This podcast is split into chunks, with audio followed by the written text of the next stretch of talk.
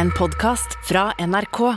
De nyeste episodene hører du først i appen NRK Radio.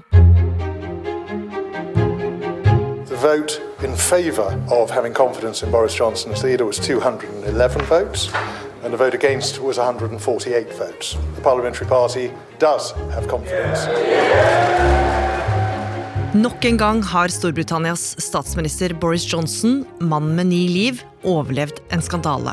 Boris Johnson is still in office as Prime Minister, despite a significant rebellion among Conservative MPs in tonight's vote of confidence.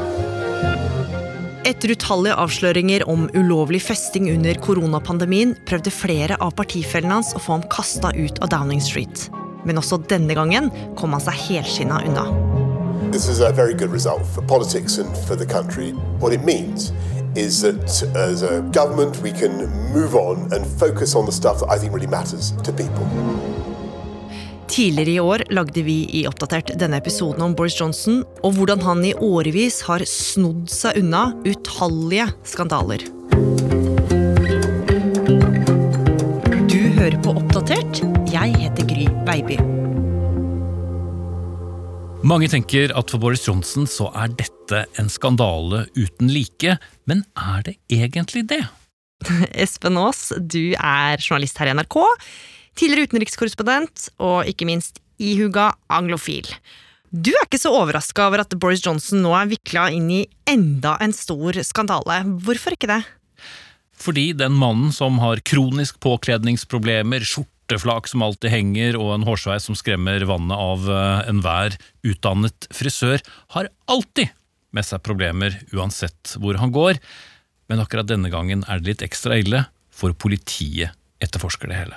Ja, for det har jo vist seg nå at mens store deler av Storbritannia levde under strenge koronarestriksjoner, så skal Boris og gjengen hans ha festa fra seg i all hemmelighet. Og det er jo grunnen til at politiet nå ser på om de kan ha brutt loven. Eh, Det store spørsmålet er jo overlever han også dette, for få har så mange politiske liv som Boris Johnson. Ikke engang en katt ville overlevd så mye som det han gjør. Noen jeg har snakket med mener at Boris Johnson selv føler at han har et kall. Han har et kall om å lede landet, så selv om han blir slått tilbake, så er det dette kallet om at han skal lede, som stadig drar han inn igjen. Ja, og dette kallet skal ha starta ganske tidlig. For i likhet med mange andre velbemidla unger med akademiske foreldre, så vokste Boris opp på eliteskolen Eton. Og det er jo en skole som annet er kjent for å ha avla fra mange statsledere. The college presents itself to its own world as its own world likes best to think of it, as the preserve of the English ruling class and the source of most of their virtues.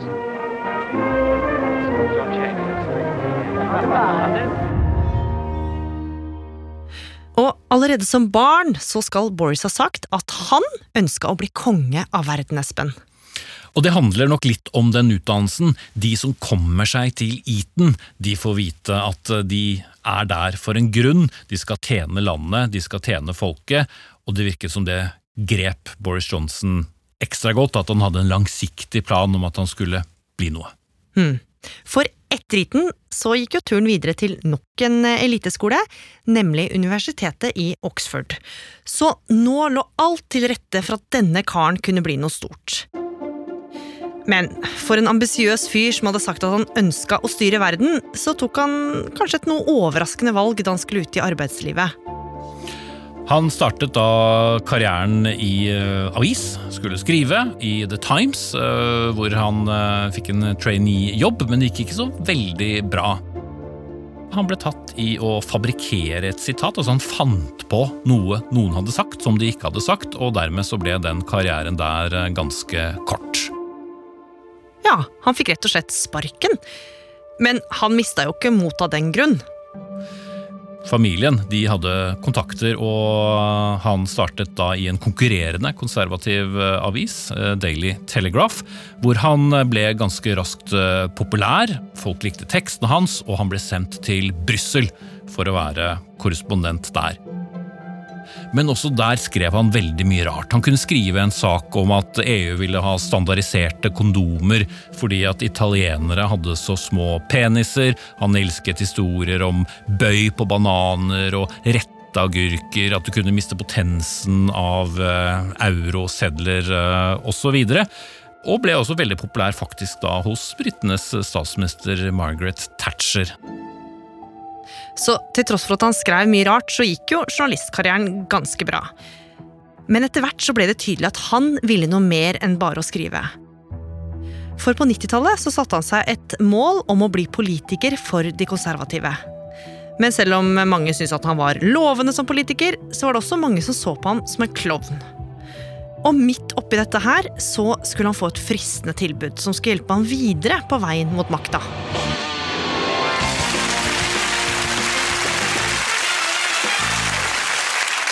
And with Paul Merton tonight is a journalist and Tory MP who described the Conservatives as the funkiest, most jiving party on earth.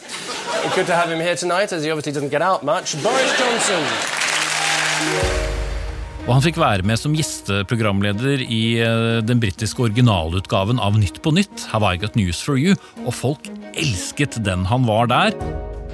Han ble hentet tilbake flere ganger og ble til og med nominert til BAFTA, som er en eller annen stor variant av Gullruten om du vil, i, i Storbritannia. Og andre TV-programmer begynte å ta ham inn. Og da var det lettere å overbevise skeptikerne, og i 2001 så ble han da endelig fast møtende medlem av parlamentet. parlamentet. Boris Johnson. Yeah. Thank you very much, Madam Deputy Speaker. Det her var stort for Boris Johnson.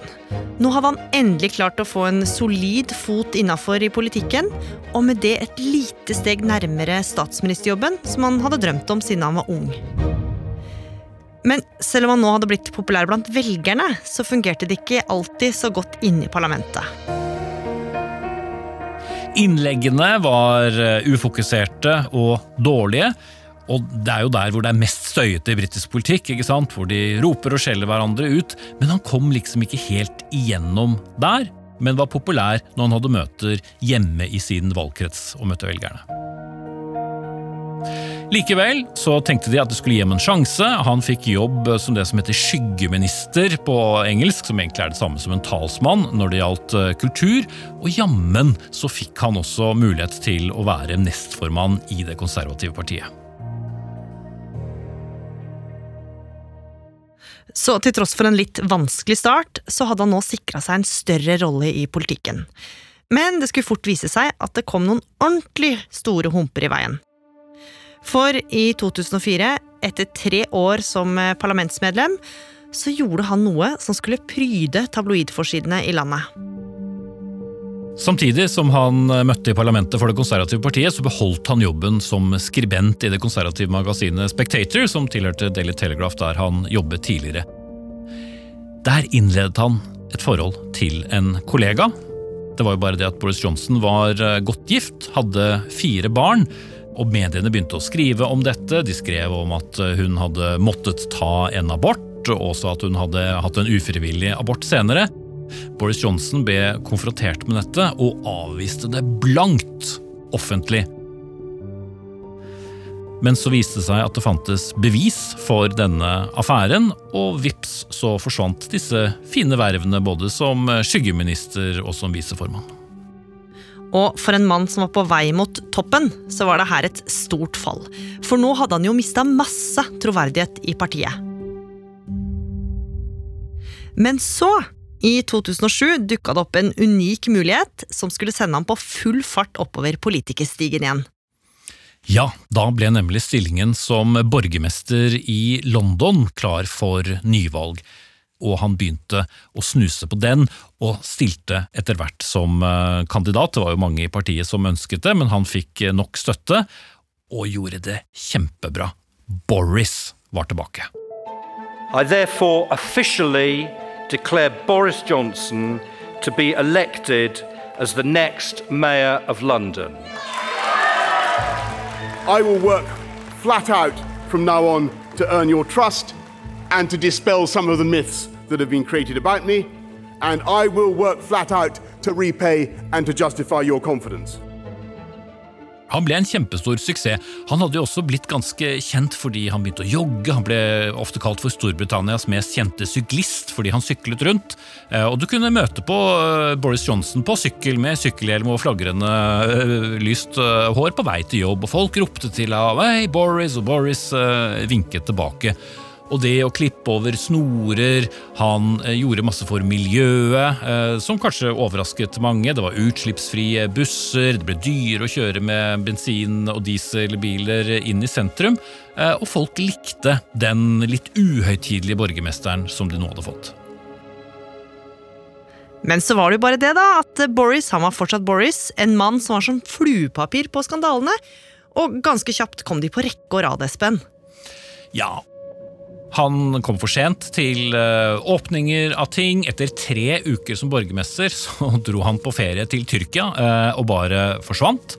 Nye damehistorier eh, dukket opp og han gjorde folk husløse. Han hadde jo også selvfølgelig en politisk agenda. Han ville jo endre London, og var jo veldig imot alt som hadde skjedd de åtte foregående årene. Han la ned brannstasjoner, han ville slanke staben på undergrunnssystemet, og kom på kant med veldig mange fagforeninger. Som andre ord en både elska og en hata borgermester. Og oppmerksomheten rundt Boris den skulle bare fortsette. For i 2012 så skulle han jo gå fra å være en slags kontroversiell lokalkjendis til å ta hele landet med storm.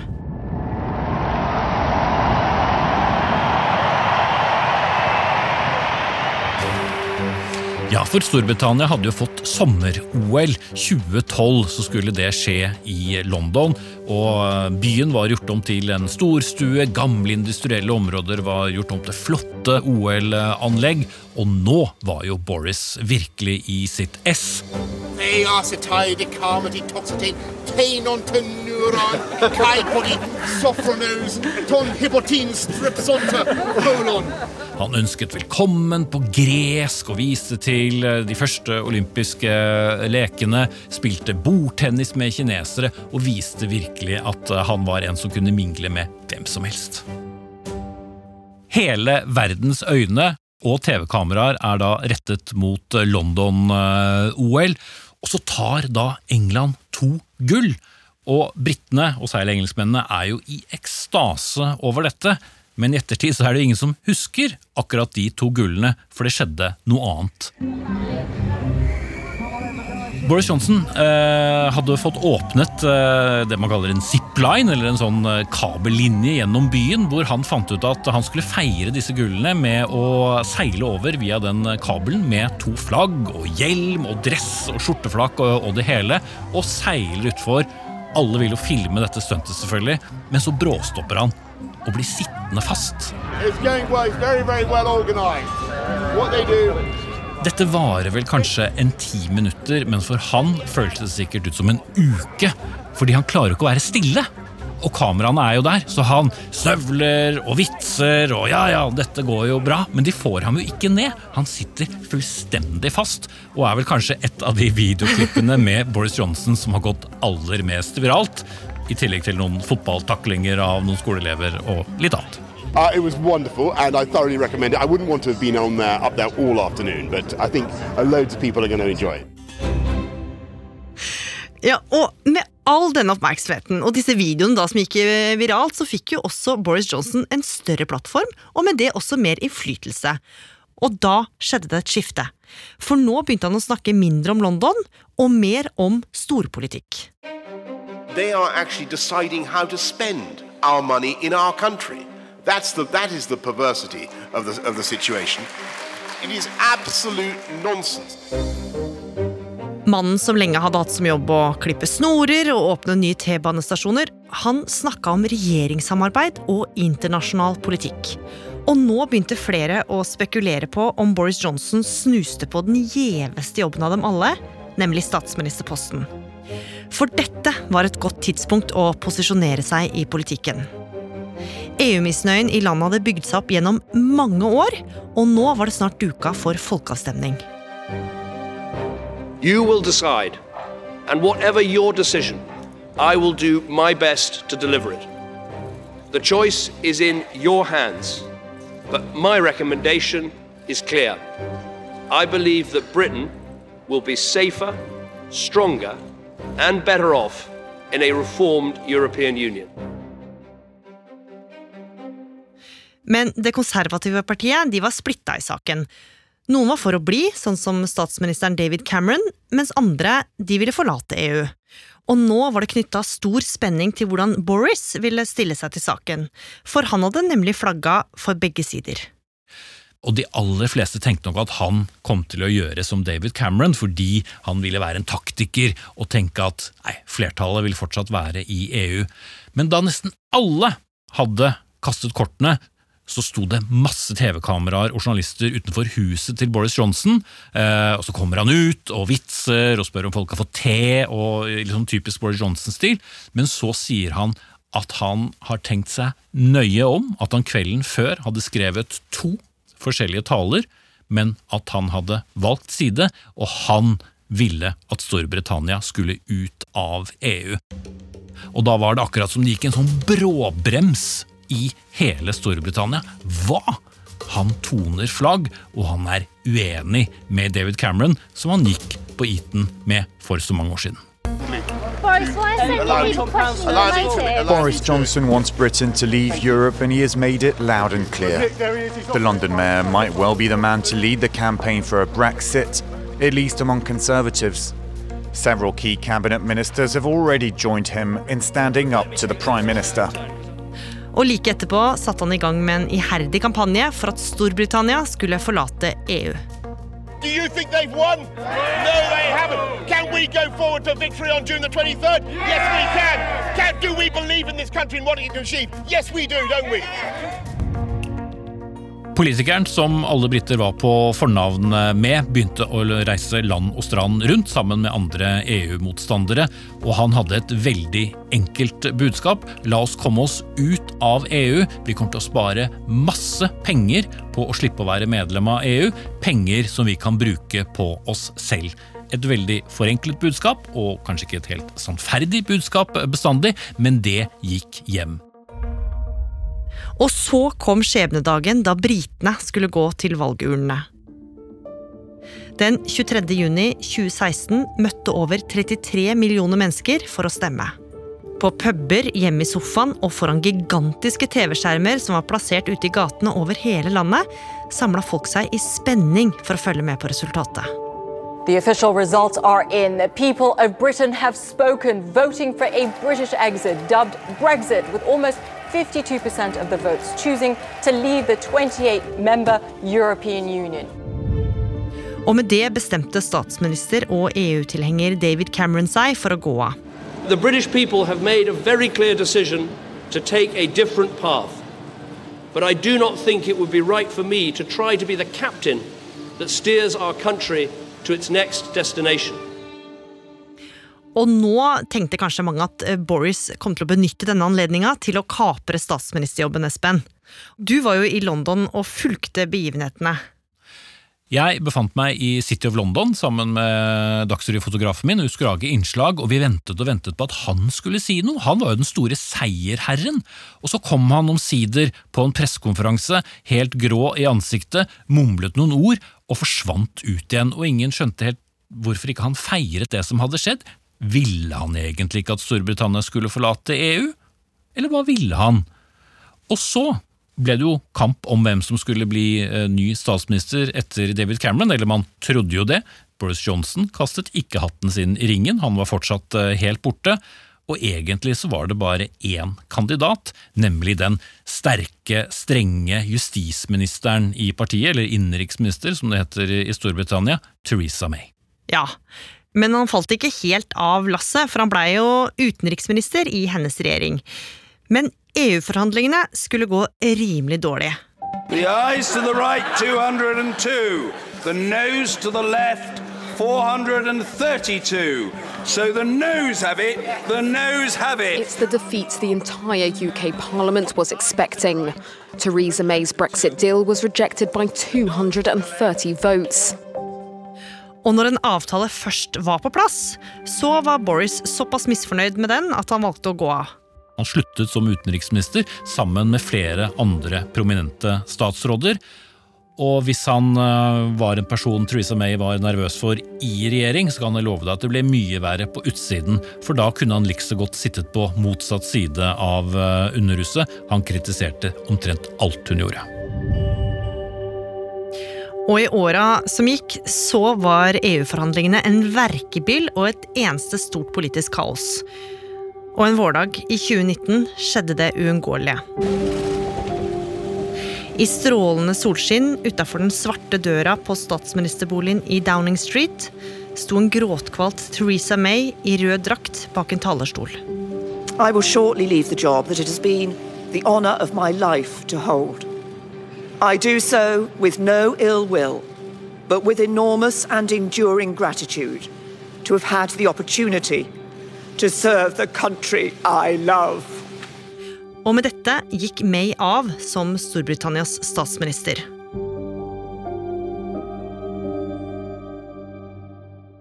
Og nå måtte de konservative finne en ny leder. Og da øyna Boris en mulighet. Ingen kunne jo gjøre det dårligere enn det Theresa May hadde gjort i sitt uh, havari, og kanskje var det det han hadde kalkulert med. I alle fall begynte det å dukke opp plakater rundt omkring i landet, blå plakater med bilde av mannen som har en mer enn interessant hårsveis, men med et klart politisk mål, få Storbritannia ut av EU, eller som han sa, get Brexit done, få til brexit og noen uker seinere skulle det bli avgjort. I en stor sal i London satt pent kledde medlemmer fra det konservative partiet, og nå skulle det bli klart hvem som skulle ta over som partileder og statsminister. Therefore I give notice that Boris Johnson is elected as the leader of the Conservative and Unionist Party. Guttedrømmen var nå endelig oppnådd, la gå at han ikke ble konge over hele verden, men han ble statsministeren i Storbritannia, og på det riktige tidspunktet. Nå skulle han gjøre én eneste ting, og det var å få vendt EU ryggen. Så det var en stor suksess, kan man jo si. Og det skulle begynne veldig bra for ham.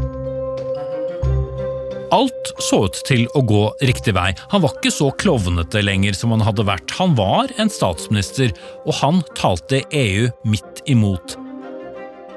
Mens forgjengeren, Theresa May, hadde vært litt mer forsiktig og litt mer klassisk statsminister, så sa Boris Johnson bare nei. Om vi så nærmest havarerer som land økonomisk i noen år, så gjør vi heller det.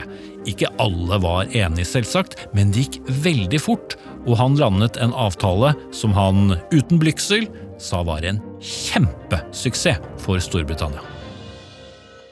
Tonight, we are leaving the European Union. For many people, this is an astonishing moment of hope, a moment they thought would never come.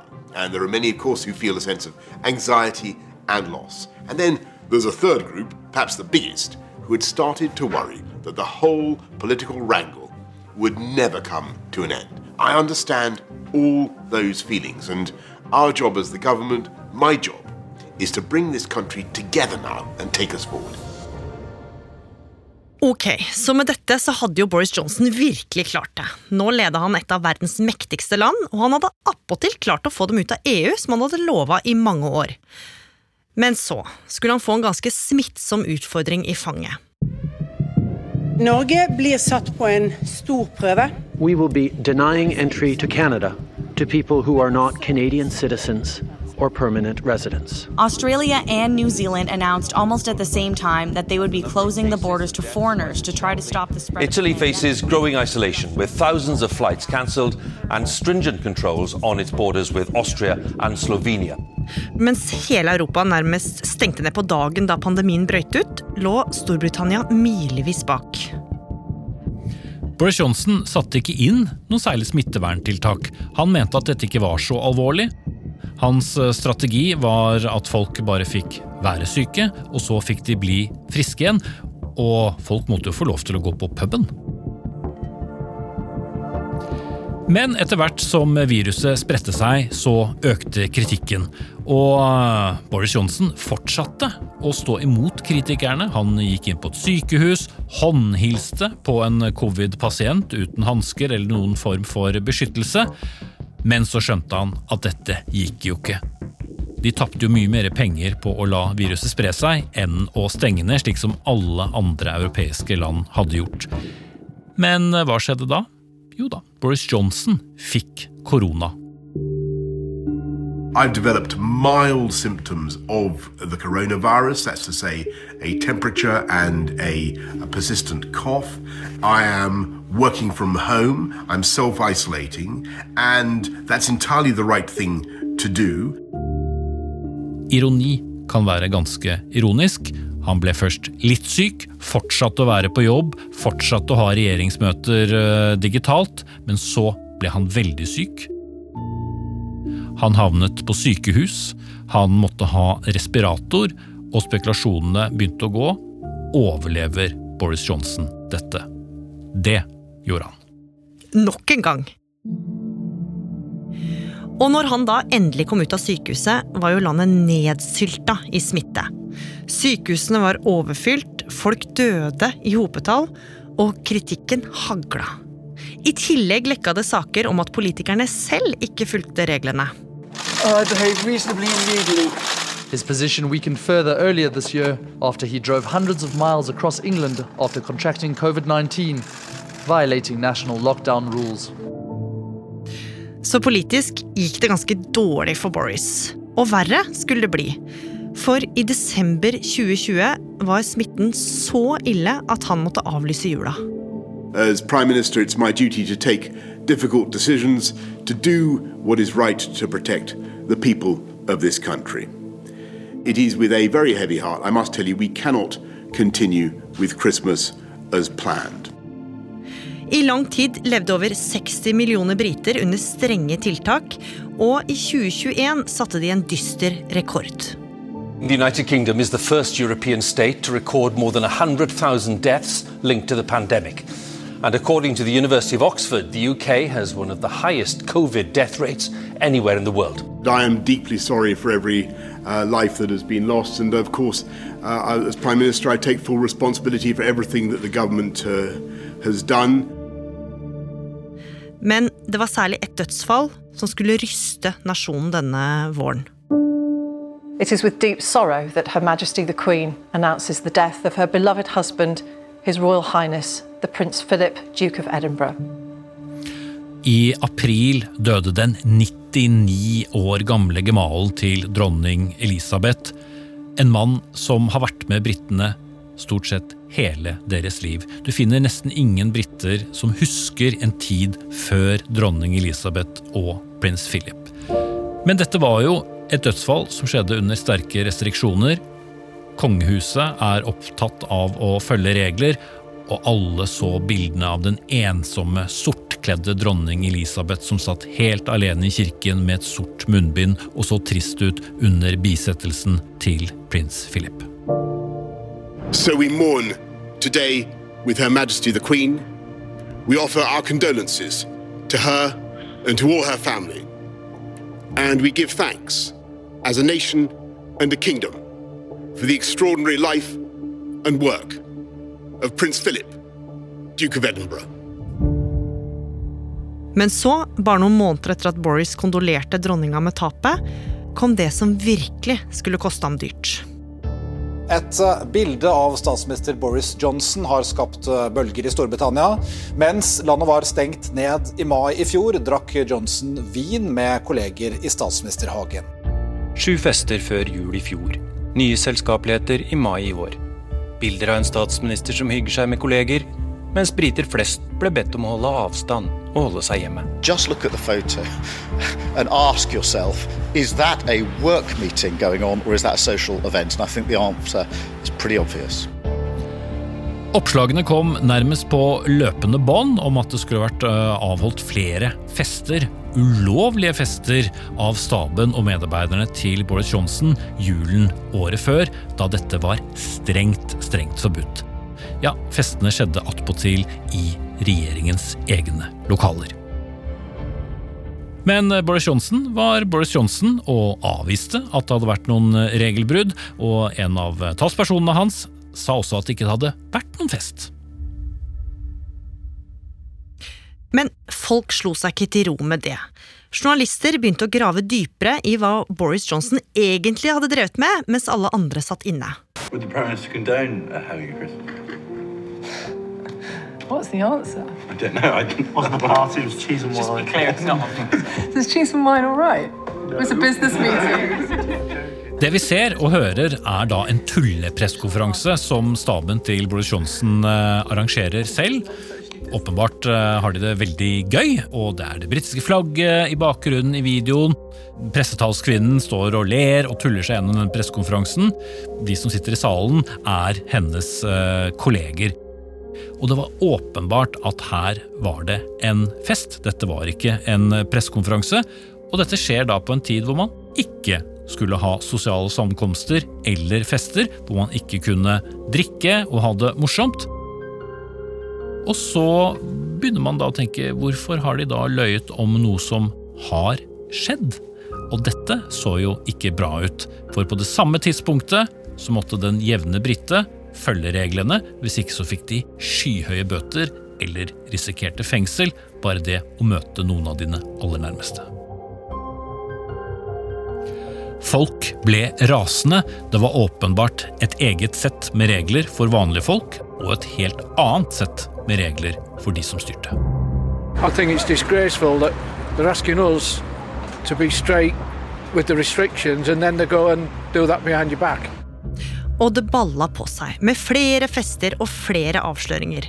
Another day and another damaging leak from right in the heart of Downing Street about a lockdown party. Men den verste var kanskje avsløringa om festen som skal ha skjedd dagen før dronninga satt aleine og gravla sin Philip. His staff partied and danced into the wee hours of the morning. At one point, a staffer reportedly went to a nearby supermarket to fill an entire suitcase with bottles of wine. How the hell can he possibly expect to go before Her Majesty again at a weekly audience and be able to look her in the eye and pretend that everything is all right? Because everything is not all right. Da var det en kjempestor fest på statsministerens kontor. De var over 30 personer til stede. Det ble danset tett, de drakk alkohol. Men Boris Johnson skal ikke ha vært der. Men alle disse avsløringene måtte Boris Johnson nå svare på. Men denne gangen sa han noe litt annet enn sist. Mr. Speaker, I want to apologize. I know that millions of people across this country have made extraordinary sacrifices, and I know the rage they feel with me and with the government I lead when they think that in Downing Street itself the rules are not being properly followed by the people who make the rules. Og det alle lurte på nå, var jo om Boris og staben hadde brutt nasjonale koronaregler og dermed loven. Så det ble satt i gang en intern granskning og politietterforskning. Og nå, for ikke lenge siden, Espen, så ble første resultat av denne rapporten lagt fram. Mm. Det var en tolv sider lang rapport, og hvor det konkluderes med at disse festene ikke burde ha funnet sted, eller utviklet seg som de gjorde. Og da dette ble kjent, så eksploderte det. 12 cases have reached the threshold for criminal investigation. The only decent thing that he can do now is to resign. The Prime Minister has misled the House. Shut up. Nå har mange sagt at Boris Johnson er ferdig som politiker, og at det bare er et tidsspørsmål før han må gå av. Flere i staben hans har allerede trukket seg. Samtidig er jo dette en mann som nærmest har ni liv, Espen. Og har kommet seg unna med så mye før. Satt på spissen, denne statsministeren har vært kjent for å lyve gjennom hele sin karriere, enten han var journalist eller politiker. Han har forsvart seg eh, i denne saken, at han ikke visste hva som hadde skjedd, at det var så mange brudd. Og så hjelper tiden ham, fordi politiet skal etterforske sakene, og da får Boris Johnson tid til å gjøre andre ting underveis som han kan markere seg på politisk, og folks hukommelse er jo kort. Spørsmålet er om det er kort nok denne gangen, for veldig mange husker hva de ikke fikk lov til, mens hans medarbeidere gjorde noe annet.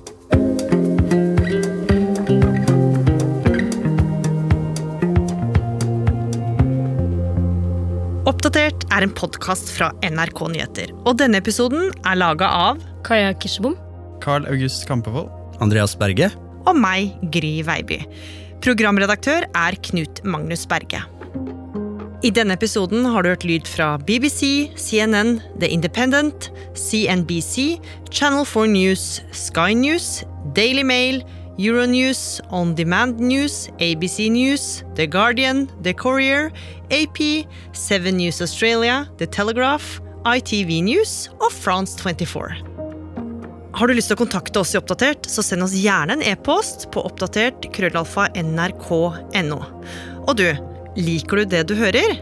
Tips gjerne en venn om oss. Du har hørt en podkast fra NRK. De nyeste episodene hører du først i appen NRK Radio.